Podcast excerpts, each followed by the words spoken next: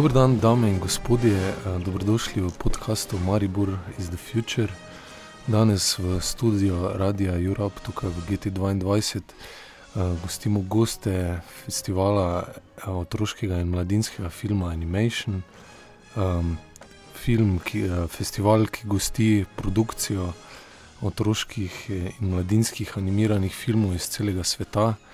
Letos je na razpis prispelo več kot 400 filmov, prikazali so jih več kot 50, tako da danes zvečer bo to tudi zaključna prireditev za podelitvijo nagrad.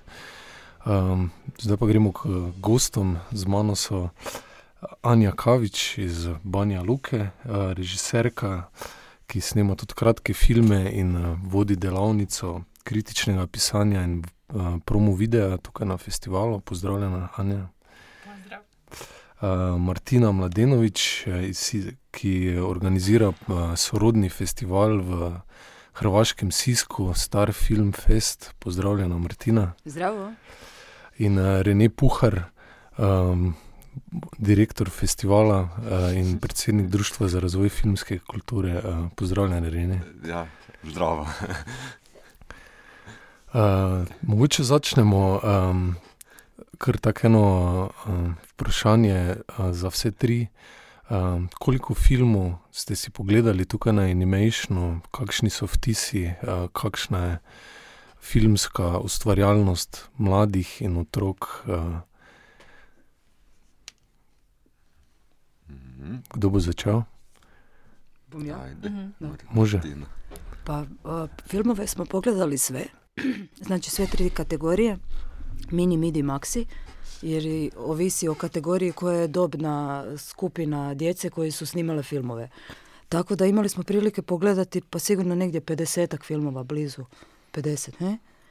koji su snimani u različitim tehnikama, imaju slobodan stil, dakle tema može biti bilo koja i stvarno ih ima sjajnih. Bez obzira što su to dječji radovi, neki uraci su stvarno potencijal da za neko buduće vrijeme tu djecu vidimo kao isto ozbiljne i odrasle režiserije ili možda neke članove filmskih ekipa. E, Ja bi se usaglasila sa Martininim mišljenjem. A, mene su posebno oduševili filmovi a, djece ispod 10 godina, odnosno do 10 godina, jer je zanimljivo vidjeti kako mozak razmišlja u, u toj dobi. I bilo je filmova a, koji su već predstavljaju potencijal, kao što je Martina rekla, za, za, za neko građenje autora i možda u budućnosti bavljenje filmom. Tako da a, bilo je stvarno dobrih filmova u sve tri kategorije. Može? Ma, sad sam se sjetila, uz ove nagrade koje žiri dodjeljuje na kraju festivala, Anja inače sjedi i u žiriju Animationa, a, osim što postoje nagrade po kategorijama, a, bilo je jako lijepo o, znati da i filmovi uz te glavne nagrade se dodijele još nekako kao specijalna priznanja, kao special mention.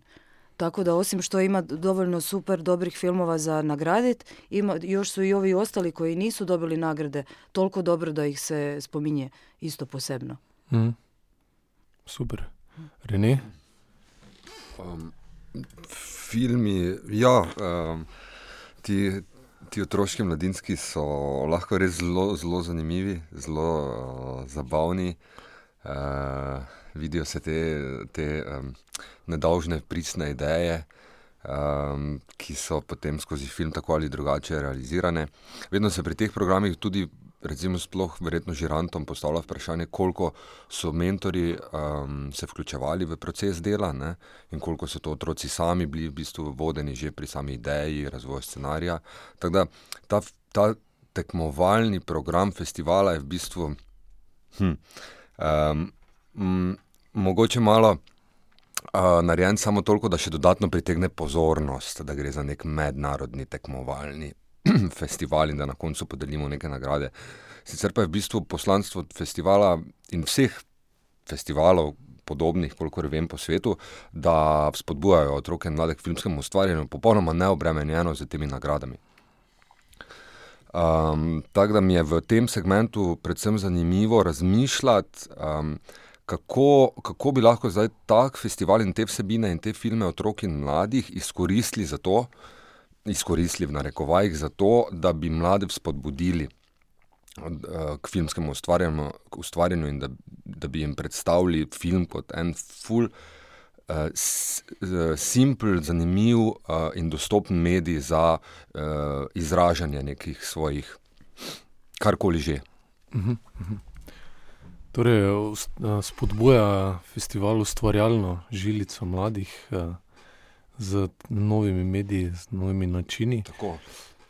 Mogoče vi, vas dvojica ste vodili delavnico s mla, mladima. Kako, kako, kako so oni primili kri, kritično pisanje o filmu, koliko, kako oni razmišljajo o filmu, kako gledajo filmove? Pa lepa stvar kod mladih je da su oni izrazito kreativni. Dakle, vi kad radite sa mladima, u principu im samo trebate dobro objasniti nekakvu teoriju, bazu da znaju što rade, ali onda u principu što im se više prepusti da sami slobodno razmišljaju i stvaraju sadržaj, to ja mislim da je rezultat bolji. Tako da radionicu smo podijelili u dva dijela, gdje smo prvo pisali promotivni tekst o samom festivalu, koji je onda poslužio kao scenarij za snimanje kratkog promo videa koji su snimali s mobitelom. I kako su djeca bila podijeljena u tri grupe, tako smo na kraju imali tri različita videa u kojim oni zapravo rade promociju festivala. Mhm. Tako da organizatori iduće godine mogu imati pomoć već od ove djece koji su bili na radionici, jer stvarno ove je, sva tri videa su bila tako i šaljiva i onako opušteno, mladenački, vesela, a naravno napravili su promociju festivala što je bio cilj. Mhm. I, uh, ja bih dodala da dali smo im u jednom kadru da snime taj promo video i pokazali smo im video uh, ko čini filmsku ekipu. I bilo, meni je bilo ovaj, sjajno da vidim da su oni u stvari uh, razmišljali o tom što rade, da su gledali kako će kakve pokrete će kamera da radi, da su, neko se bavio tonom, neko se bavio svjetlom, iako sve su to radili mobitelom. I onako bilo je super vidjeti da djeca od nekih 12 godina i dalje razmišljaju u tako nekom pravcu, da se možda time bave nekad u budućnosti, što je meni ono bilo genijalno. I sva tri videa su na svoj način ovaj, posebna i nadam se da, da će nastaviti da se bavi tim. Uh Te videe ćemo moći vidjeti večeras na zatvaranju ili Rene? Uh, ne, danes bomo na uh, zaključku lahko pogledali zmag zmagovalce in te specialne omembe. Medtem je eno specialno omembo dala tudi članica, um, ki ni bila v sami žiriji, ampak Martini smo seveda, ker I hvala na prilici. tudi to omogočili. Tako da filmčko bo danes na zaključku vse skupaj 8 programa za 40 minut, kar je, kar je za en tak dogodek. Um, Ker veliko, tako da se nekako nismo odločili za teh promofilmčkov, ampak ob neki drugi priliki pa jih bomo vsekakor izkoristili, te promofilmčke. Uh -huh. uh, ja, malo si že odprl to tematiko nagrade. Uh, koliko je to? Koliko otrokom to pomeni, uh, oziroma kaj se jim s tem predaja, da je tudi recimo, en ta tekmovalni naboj, da tekmujejo z svojimi filmi za nagrade, je to važno za njihovo ustvarjanje. Uh, ali je recimo, že to važno, da se uvrstijo na festival, kakšni so njihovi odzivi, ko slišijo, da dobijo malega slona, ali da so uvrščeni v festivalski program. ja, otroci so nori na te nagrade, ne? ali pa so nori njihovi starši. To jim, to jim res ogromno pomeni, po moje, po moje preveč. Um, smo vsi skupaj preveč vzgajani v, te, v tem duhu. Um, Zdaj, um, seveda, kot sem rekel, mi, mi v, na festivalu te nagrade nekako v bistvu želimo uporabiti samo kot trik, da bi, pritegnili, da bi pritegnili pozornost in da bi dosegli neke druge namene, kot pa je ta nagrada sama. Um, je, pa, je pa seveda vsakemu, ki nekaj ustvarja, ne, um, tudi če, če gre za neko otroško ustvarjalnost ali ne gre za vrhunsko umetnost, mu veliko, veliko pomeni, če lahko pokaže svoj film ali da ga tudi vidi samo na velikem platnu. To pa, to pa, mu, to pa vsakemu človeku zelo veliko pomeni. Tako da um, festival je tudi priložnost za to, ne, da, da imamo možnost, da film, da film pokažemo um, in vidimo na velikem platnu in pokažemo drugim. Martina, kako imate vi nagrade, isto radite za dječjim filmovima u Sisku ili... Mm, naš e, Star Film Festival je određen po kategorijama filmova, dakle po tematici, a uvjet za režisere je da su ispod 35 e, let starosti. Tako da nama mogu prijavljivati i odrasli u principu ljudi, ali isto smo zadržali tu neku malo mlađu dobnu kategoriju da to budu ili e, studenti ili završni radovi ili evo nekakvi mladi autori do 35 godina. Ali do, u selekciju nam ulaze naravno i filmovi e, mlađe dobi, a što se tiče e, nagrada, kako su filmovi podijeljeni po kategorijama industrijski animirani, dokumentarni, igrani i eksperimentalni, tako imamo tih pet kategorija za teme. Plus što žiri još dodjeljuje onda za najbolju kameru, za najbolju režiju i montažu. I hm. sretne smo Anja i ja ove godine što smo po prvi put se izborile da imamo i selektorsku nagradu. Mi smo e, zajedno e, selektujemo filmove. Selektorici smo zajedno na, Aha, na staru. Opet si izborila jednu nagradu. pa malo da. Nadamo se da ćemo sljedeće godine izboriti dvije nagrade zato što smo nas dvije i ponekad nam se ne podudaraju mišljenja, ali... A šta, onda selekt, e, vas dvojica kao selektorica isto bira jednu nagradu na festivalu? Da, jer ipak mi smo onaj prvi, prvi, mi ima prvi imamo doticaj sa svim filmovima, znači ove godine je bilo preko 1300. Znaš, to smo mi mhm. svele na nekih 47, ja mislim. I mi imamo uvid u, u svih tih 1300 i znamo otprilike uh, koji nam je onako najviše ovaj, ostavio utiska, mada često nam se podudara, ja mislim. Da. Da, često nam se podudaraju. Ovaj, ali često imamo i različite mišljenja, tako da ovo je već treća godina da smo zajedno selektovali, selektovali filmove, tako da je jedan težak i dugotrajan proces, ali dobro. Mm. ti si isto, Anja, redateljica, radiš svoje filmove. Koliko se možda možeš naučiti iz uh, rada mla, mladih, iz rada djeca, možda ti pokaziva neke nove stvari, pristupe uh, ka filmu i pa svakako da mogu puno naučiti, pogotovo zato što sam ja se filmom počela baviti negdje ono poslije srednje škole. Prije toga sam imala doticaj sa teatrom. uh odnosno bila sam u tom nekom ovaj, toj nekoj pozorišnoj skupini. Meni je zanimljivo na koji način oni razmišljaju, pogotovo ta djeca koja su ispod 10 godina, možda koja još još su ovaj, uh, i ne idu u školu, zato što mislim da su oni onako najiskreniji i još uvijek nemaju formirano to neko svoje uh, mišljenje. I, I jako je zanimljivo vidjeti kakve oni tehnike koriste i kako razmišljaju o tom nekom filmskom svijetu i o, o, svijetu ovaj, uh, imaginarnom. Tako da ja nisam neka osoba koja zna baš puno da radi sa djecom, ali volim da posmatram kako oni, ovaj, kako oni u stvari posmatraju stvari oko sebe. uh I kako oni vidio, što ti vidiš u njima, kako oni gledaju filmove, da koliko oni sa svojom imaginacijom to povezivaju sa e, životom, sa time što gledaju u realnosti? Pa prvo, e, djeca su brutalno iskrena, što, što je meni genijalno, jer mi stariji, mi uvijek... Um, Neću reći da, da, da, nismo iskreni, ali uglavnom pokušavamo da sakrijemo te neke stvari koje, koje, ovaj, koje nam ne odgovaraju. Dok kod njih je ono, surova iskrenost i, i sve to onako izbace i, i pokažu i javno je, dok mi to sve nekako onako skrivamo i, i, i ovaj, pokušavamo da, da, da zataškamo, pogotovo jer ja dolazim iz kulture gdje, gdje ono, ako se nešto ne treba reći, bolje da se ne kaže.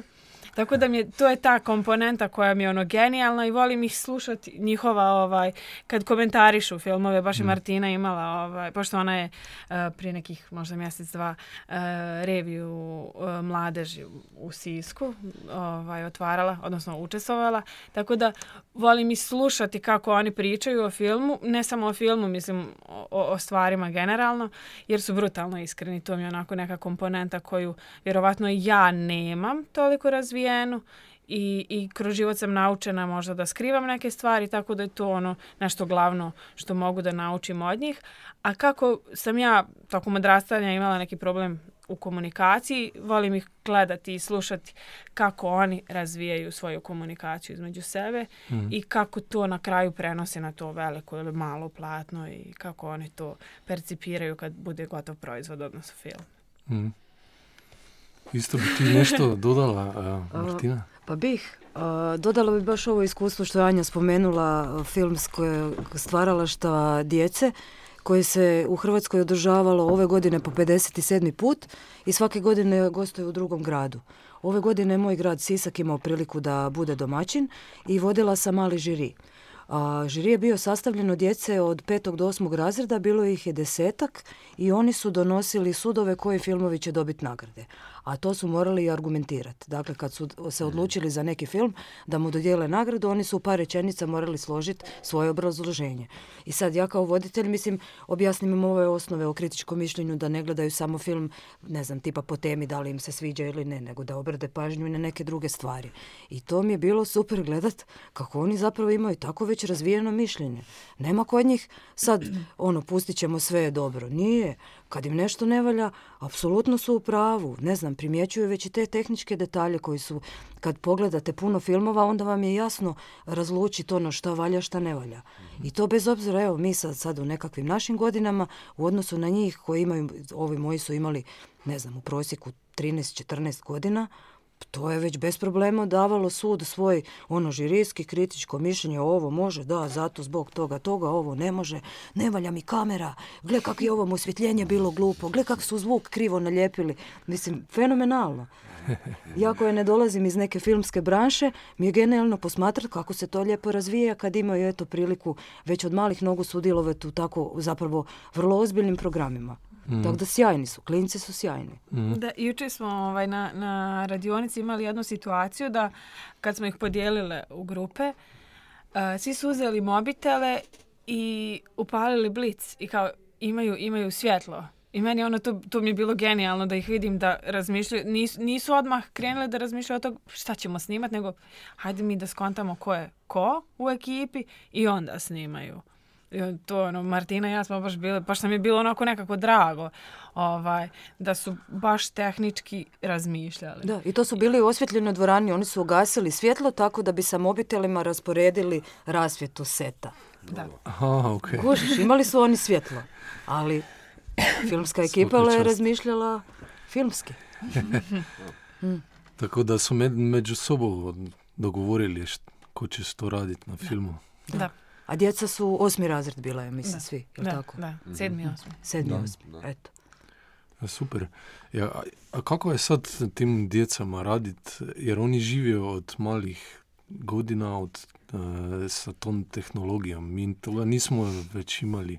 Njima ono mobitel kao dio tijela, ja mislim.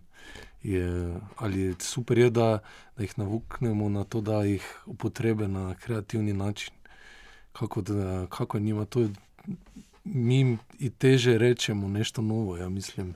Или da, teško je stare pse naučiti novim trikovima, kako se kaže, ali uh, mislim da imaš pravo ovo, oni odrastaju s tom tehnologijom.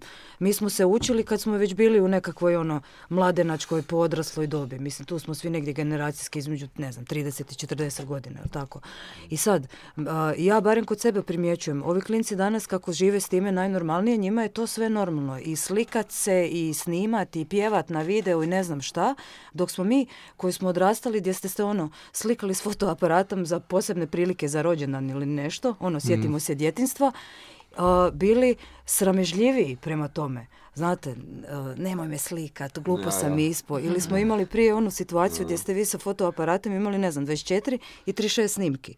I to si morao dobro paziti uh, šta ćeš slikat, plus strepiš kad ideš u fotoradnju i razvid film, kak si ispo, a danas ti si u pet minuta s mobitelom možeš napraviti 500 slika, možeš obrisati ove koji ti se ne sviđaju, možeš ponavljati u nedogled. A kamoli sad kad nam ti mobiteli služe već i kao kompjuteri, kao radno sredstvo. Vi na mobitelu možete snimati video. Evo, doslovno, uh, znam da u Hrvatskoj postoji festival um, filma snimljenih mobitelom. Mhm. Dakle, ne znam, svaka im čast. Malo scary, ali Da. Ali c- se dešava to da mi sad um, imamo filmove e, mladih koji su filmovi potpuni i koji idu po festivalima. Ja uvijek za primjer uz, uzimam film koji smo mi prošle godine selektovali, koji sam ja imala priliku da vidim na Sarajevo film festivalu. E, momka dječaka od 19 godina, Hanis Bagašov iz Makedonije, koji ima genijalan film. Koji, i, film je pokupio nagrade na gomilu festivala. E, mi smo ga pustili do pola ovdje na festivalu, kad smo predstavljali Star Film Festival. I, I takve stvari se dešavaju i meni je super jer ja sa 19 godina sam tek upisala akademiju i tek sam počela da učim šta je film i nisam imala toliko ni, ni tehničkih mogućnosti, a i nekih drugih mogućnosti da napravim svoj film. Ja sam svoj prvi film za koji mogu reći ono da, da, da je kratki film, ali je studentski, za nekih 22 godine imala.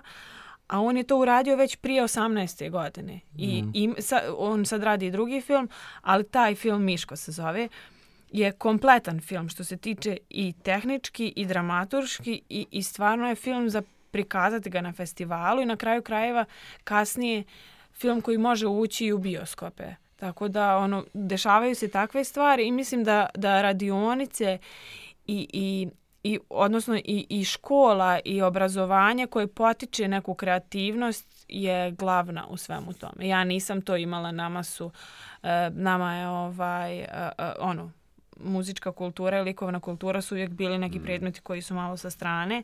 Više, više nam je možda ovaj, su nas poticali da nam se razvijaju, da nam se možda nevijoge razvijaju, razvijaju u nekom drugom smjeru, ali mislim da je najbitnije da se ima neka podrška i da nije samo podrška, ne znam, mami tate, nego i nekih ljudi koji, koji se razumiju u to nešto što oni pokušavaju. Mi smo juče na radionici imali djevojčicu koja je rekla da bi bila montažer, što je mene ono, sa 12 godina da razmišljaš u tom smjeru, jer ni ja nisam do kraja znala šta bih htjela da radim, odnosno jesam, ali ja to nisam znala da, da se izrazim, da kažem, e, ja bi da sam režisir. A ona je baš striktno rekla, ja hoću da budem montažer. Ja sam je pitala, pitala zašto. Ona je meni fino objasnila da bi ona da montira filmovi, da je to njoj zanimljivo da sklapa kadrove. I meni je bilo ono, wow. Tako da mislim da je bitno da imate nekog ko će vas usmjeriti ka nečemu. E, tu je bitna ono, filmska edukacija, to što mi nismo imali, tako si rekla, u školi, mi nismo toga saznali Da, i da.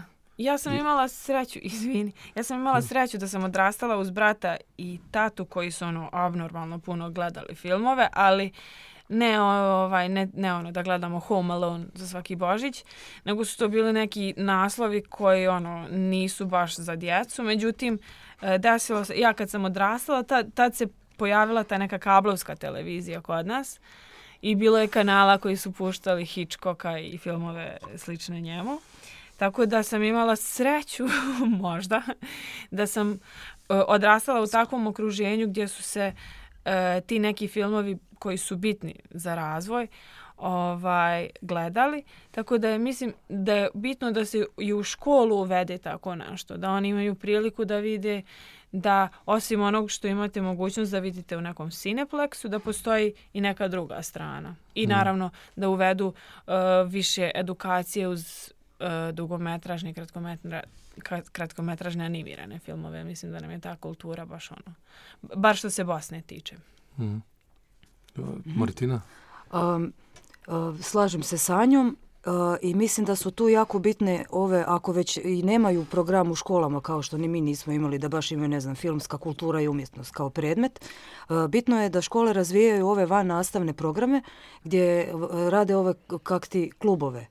Uh, fi- ili sekcije, pa filmsku sekciju, pa kazališnu, pa plesnu, pa nešto. Jer to su načini da oni svejedno u, u, u strukturi obrazovanja već od malih noga nogu se upoznaju sa tim pojmovima i sa tim a, poslovima. Um, jučer dok smo uh, držale radionicu, meni je otprilike kad radim sa djecom uvijek u prvih nekoliko minuta nekako mi spontano dođe da im kažem, ono dok se predstavljam i da kažem da sam po struci novinar i muzeolog i um, kad uh, razmišljam u, iz njihovih sad pozicija, a gledam sebe kao odraslu, mislim si kad god slušate nekoga novog, nekoga koga ne poznajete, neko ko se bavi nekakvim zanimanjem koje vam je možda malo poznato, nikad ne znate kad vam se može otvoriti nekakav kanal u kojem si možete reći, hm, gle, ovo mi je baš zanimljivo, ovo bi možda volio raditi u životu. Tako da bez obzira s koje mi struke uh, imali i dolazili i kakve im teme govorimo, da se jedan od njih uh, počne zanimati za tako nešto, već smo jako puno napravili. Mm. Tako da a, nikad ne znate gdje vam može doći inspiracija i nekakav klik koji vam može otkriti u, pri- u principu vašu nekakvu prirodnu strast koju nosite u sebi i koja će vas, ako je slijedite, voditi kroz cijeli život. Da. Moje nekakvo odrastanje je prošlo isto vjerojatno kao i vaše. I mene kad su ispitivali šta bi vola biti kad odrastem, a, ja sam govorila da bi vola raditi u trafici, da mogu žvaka žvakaće i čitati romane cijeli dan.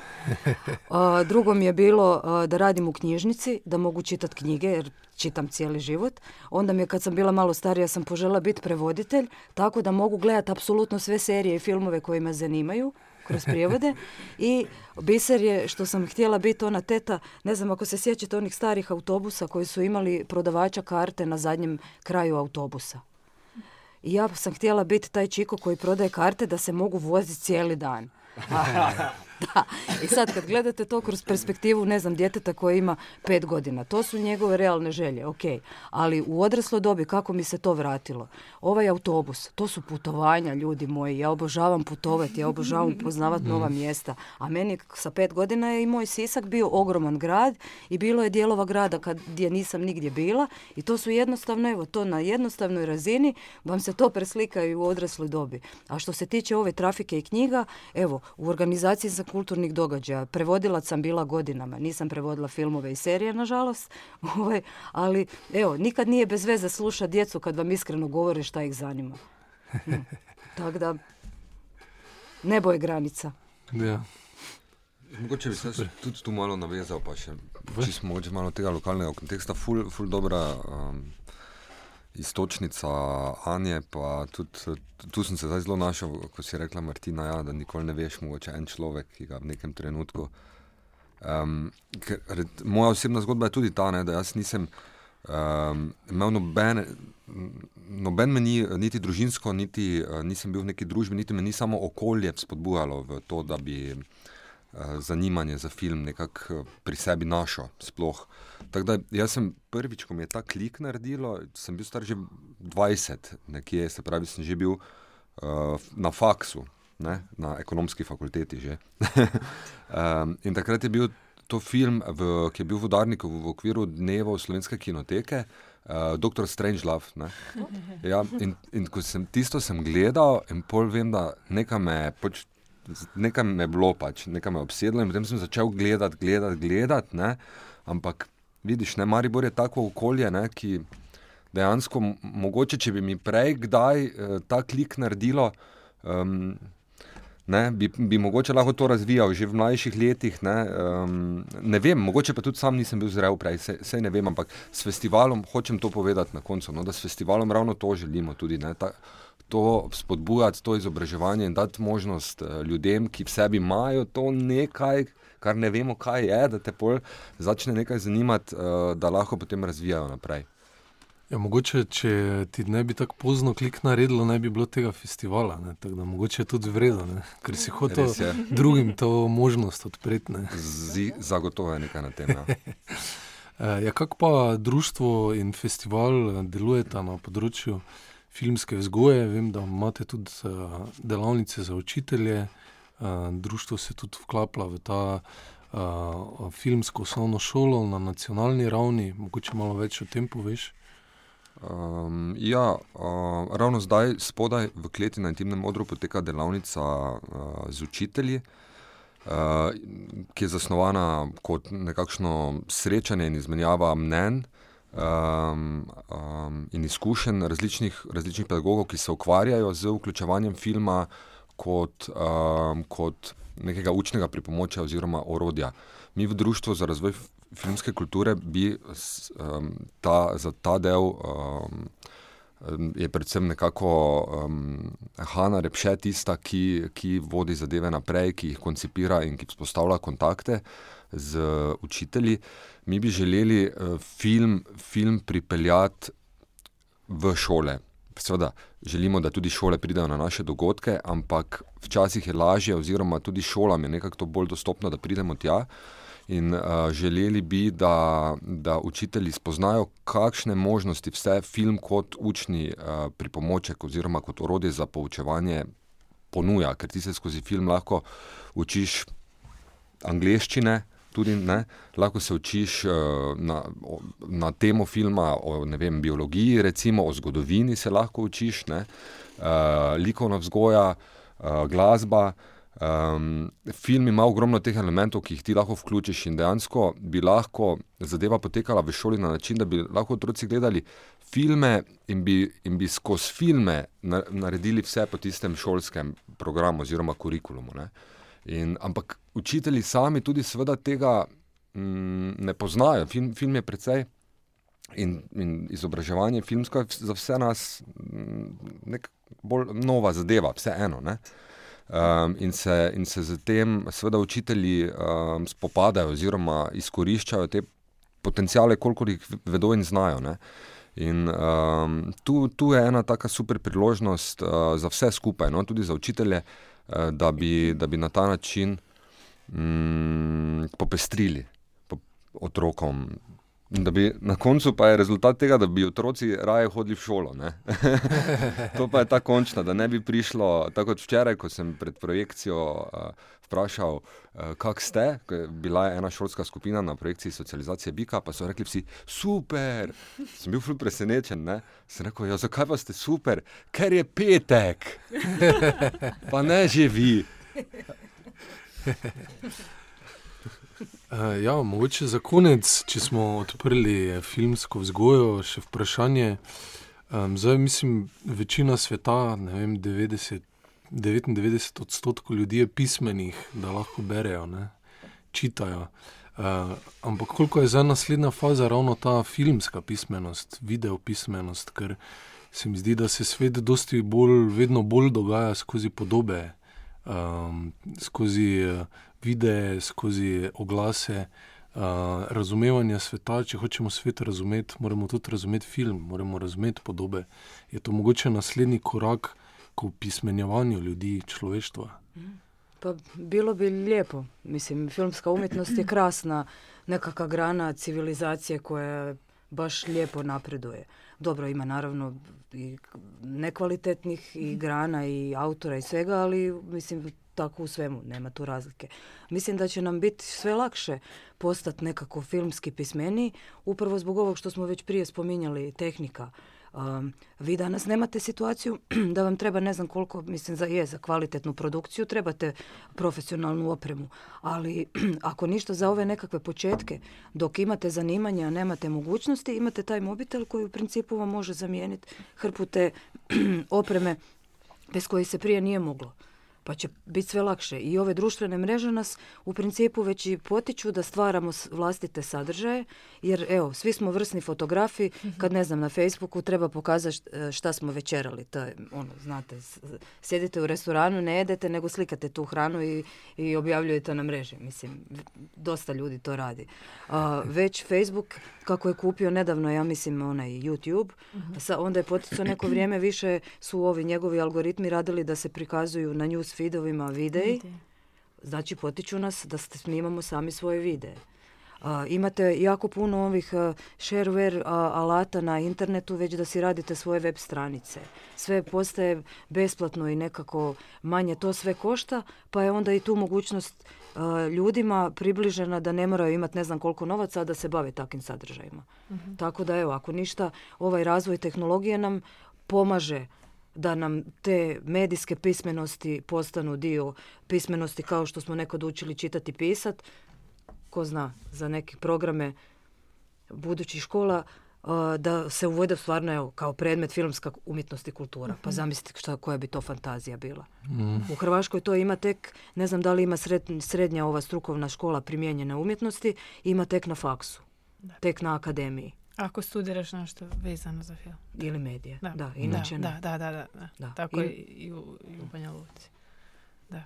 A, što Martina kaže, e, uz razvoj tehnologije je došlo do toga da sad svako misli da se može baviti filmom, ali mislim da festivali kao što je Animation e, daju priliku da se to iskanališe i da se vidi ko, ko je baš za tako, za, za, za, za, za da se kreira autor, da se stvori autor, tako da i, i samo prikazivanje filmova na ovakvim festivalima, a i na kraju krajeva nagrada je samo poticaj da se taj neko ko ima možda ovaj želju i, i, i volju da se bavi filmom, samo da ga ovaj gurnemo u pravom smjeru.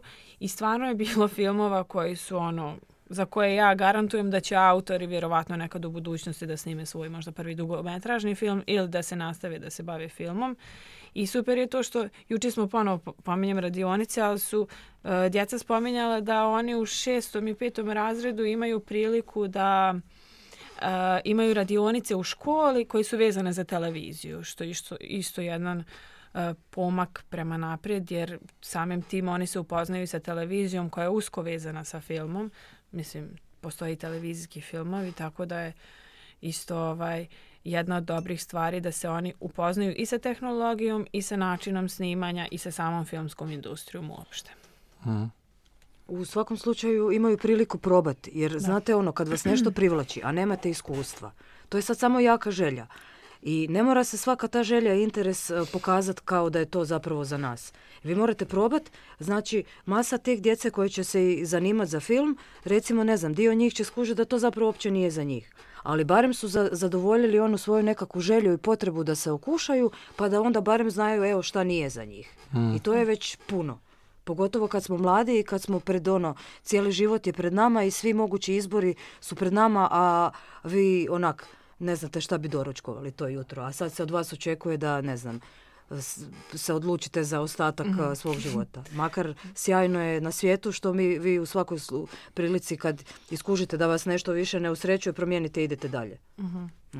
Nismo zakopani ono kod drveće s korenjem pa da se ne možemo mrdnuti. Ali mislim da je bitno imati priliku probati te stvari koje nas zanimaju pa vidjeti je li to stvarno nešto na čemu bi se volili profilirati ili u principu sad imate mjesta za neki drugi interes jer vam se ovo pokazalo da u pri- i nije za vas. Da, a to je taman ta dob u kojoj je bitno da se zna za, zašto, čime želite da se bavite, onda kasnije ima vremena da se profilišete. Da li ćete biti, da li ćete se baviti zvukom ili montažom ili režijom, tako da ono, mislim, i ja sam isprobala sve, pa sam shvatila da me montaža uopšte ne zanima, jer mislim da nemam dovoljno strpljenja za takvu vrstu posla, a imam strpljenja da budem na setu i super mi je da imam neku osobu koja će montirati, a ja tu sjedim pored nje i nas dvoje imamo neku komunikaciju. Tako da su te godine važne da se e, e, odlučimo s čime bi se bavili i zašto. Jer ja sam imala prekretnicu sa nekih 19 godina kad sam već upisala jedan fakultet i onda sam se ipak odlučila za nešto drugo. Što meni u tom trenutku je bilo prestrašno. To je, ja sam mislila da dalje nema i trebalo je malo više vremena da ja shvatim šta i kako ovaj, dalje. Ali sva sreća sam shvatila na vrijeme, a mislim da, da oni ne bi slučajno imali takve neke momente u kojima moraju da biraju između dvije strane, nego samo da se fino usmjere, to bi bilo super, to bi bilo genijalno. Ovaj, naravno već onda kad, u, u- kad se odluče za nešto, onda im predstoje novi izazovi, ali mislim da su to one neke slatke muke, kako mi zovemo, kad već morate da se borite sa svojim izborom. Mm. Ti si imala prekretnicu sa 19 i ja sa 33. Dakle, stvarno nikad nije kasno. da, nikad nije kasno. A koliko je uz to, da stvarajo film isto bitno, da imajo neko kritično distanco, da razumijo, što gledajo, da ni to samo neka euforija, da radimo s tehnologijo, da postamo na Facebooku, na YouTubu, nego da jih znamo, da ni to, da ni samo to, to da, da razumeš, što gledaš, da razumeš. da je to neki svet koji je virtualni svijet, koji nije realni svijet. Baš to, to smo im jučer uh, kroz radionicu pokušali približiti na najbanalniji primjer. Uh, Facebook društvene mreže i... Aha. Vredo je. Facebook društvene mreže i ovih statusa koji sami objavljujemo. I onda smo im dali primjer, recimo, da ne uzimaju kao istinu sve što vide i da tako promatraju cijeli taj uh, medijski sadržaj. Čak i vijesti u principu nekad ne odgovaraju istini, zato što su upravljani od nekih ljudi koji ganjaju svoje interese, pa onda samo te neke stvari prikazuju. Hmm. Ali na ovom jednostavnom primjeru smo im rekli, sigurno znate nekakav, ne znam, ljubavni par koji u principu se, ne znam, zna i posvađati i nisu nekad u dobrim odnosima, ali vi ćete na Facebooku vidjeti samo te njihove lijepe slike kak su oni, ne znam, kak se šeću, kak jedu sladoled, mm, mm, buci, buci a to nije zapravo realna slika. Tako da i kad uh, konzumiraju sve te sadržaje, neka imaju u glavi da to ne mora odgovarati istina, istini, nego da to možda samo ono uljepšavanje stvarnosti. I mm. da i to ne uzimaju pri srcu, jer nama su i, ne znam, i marketinški časopisi nas konstantno, svi nas uvjeravaju da smo dovoljno, da nismo dovoljno lijepi, da smo debeli, da ne znam, da sve nam nešto nedostaje ali samo zato da bi kupili neki proizvod koji će nas onda kao učiniti ljepšima i sretnima u krajnjoj liniji. A to mm. nije istina.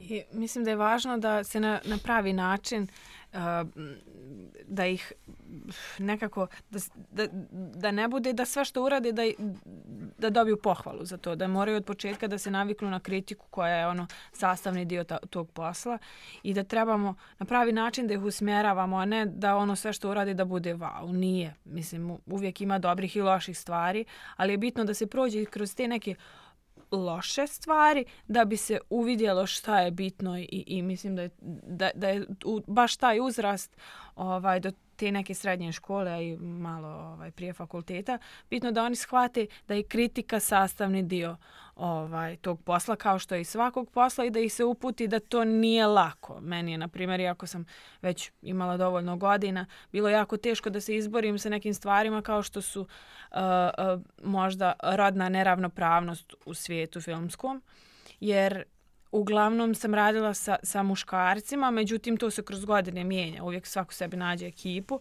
ali mis, najbitnije je da, da shvate da je kritika sastavni i normalan dio tog posla. Mm. Da ne može sve da se pohvali, jer ako je našto loše, loše je. Sljedeći put možda neće biti, a možda i hoće, ali mislim da je bitno da težimo ka tom da napravimo nešto dobro. Pa sad ako treba da se uči godinama, treba. Ako treba da se uči malo kraće, svako uči na ovaj na poseban način, tako da to je to. Hmm.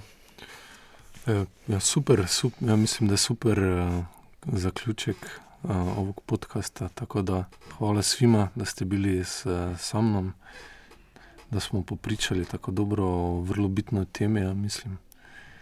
Uh, I hvala vama da ste nas slušali, tako da uh, vabimo vas na festival uh, Animation ove godine još večeras i sljedeće godine isto u novembru dolazite isto u Sisak. Da imate, kad imate u Sisku festival? E, u Sisku je krajem avgusta ili početkom septembra, zavisno o vikendu. A super je što nam je suradnja počela tako da smo se ove godine u maju, Rene, Hana i Nina Kojc, isto sa Animation organizacije, upoznali u Rijeci na jednoj konferenciji. I onda smo mi iz Siska zvali uh, njih da nam budu članovi žirija. I to se i dogodilo, Nina nam je bila svih pet dana festivala i nakon što se vratila doma, kad su oni krenuli sa svojom organizacijom, su nas nazvali i rekli, hej, kao, jel bi vi sad došli k nama isto, odradili par stvari, tako da je to isto divan oblik, evo, suradnje koje smo započeli i nadam se da ćemo... I Banja Luka. I Banja mm. Luka. tako da se nadamo stvarno da ćemo ovaj, i dalje ostati kao suradnici i partneri na, na svakom festivalu. I hvala vam na pozivu u podcast. Da. Baš nam je bilo lijepo. Olá, vamos.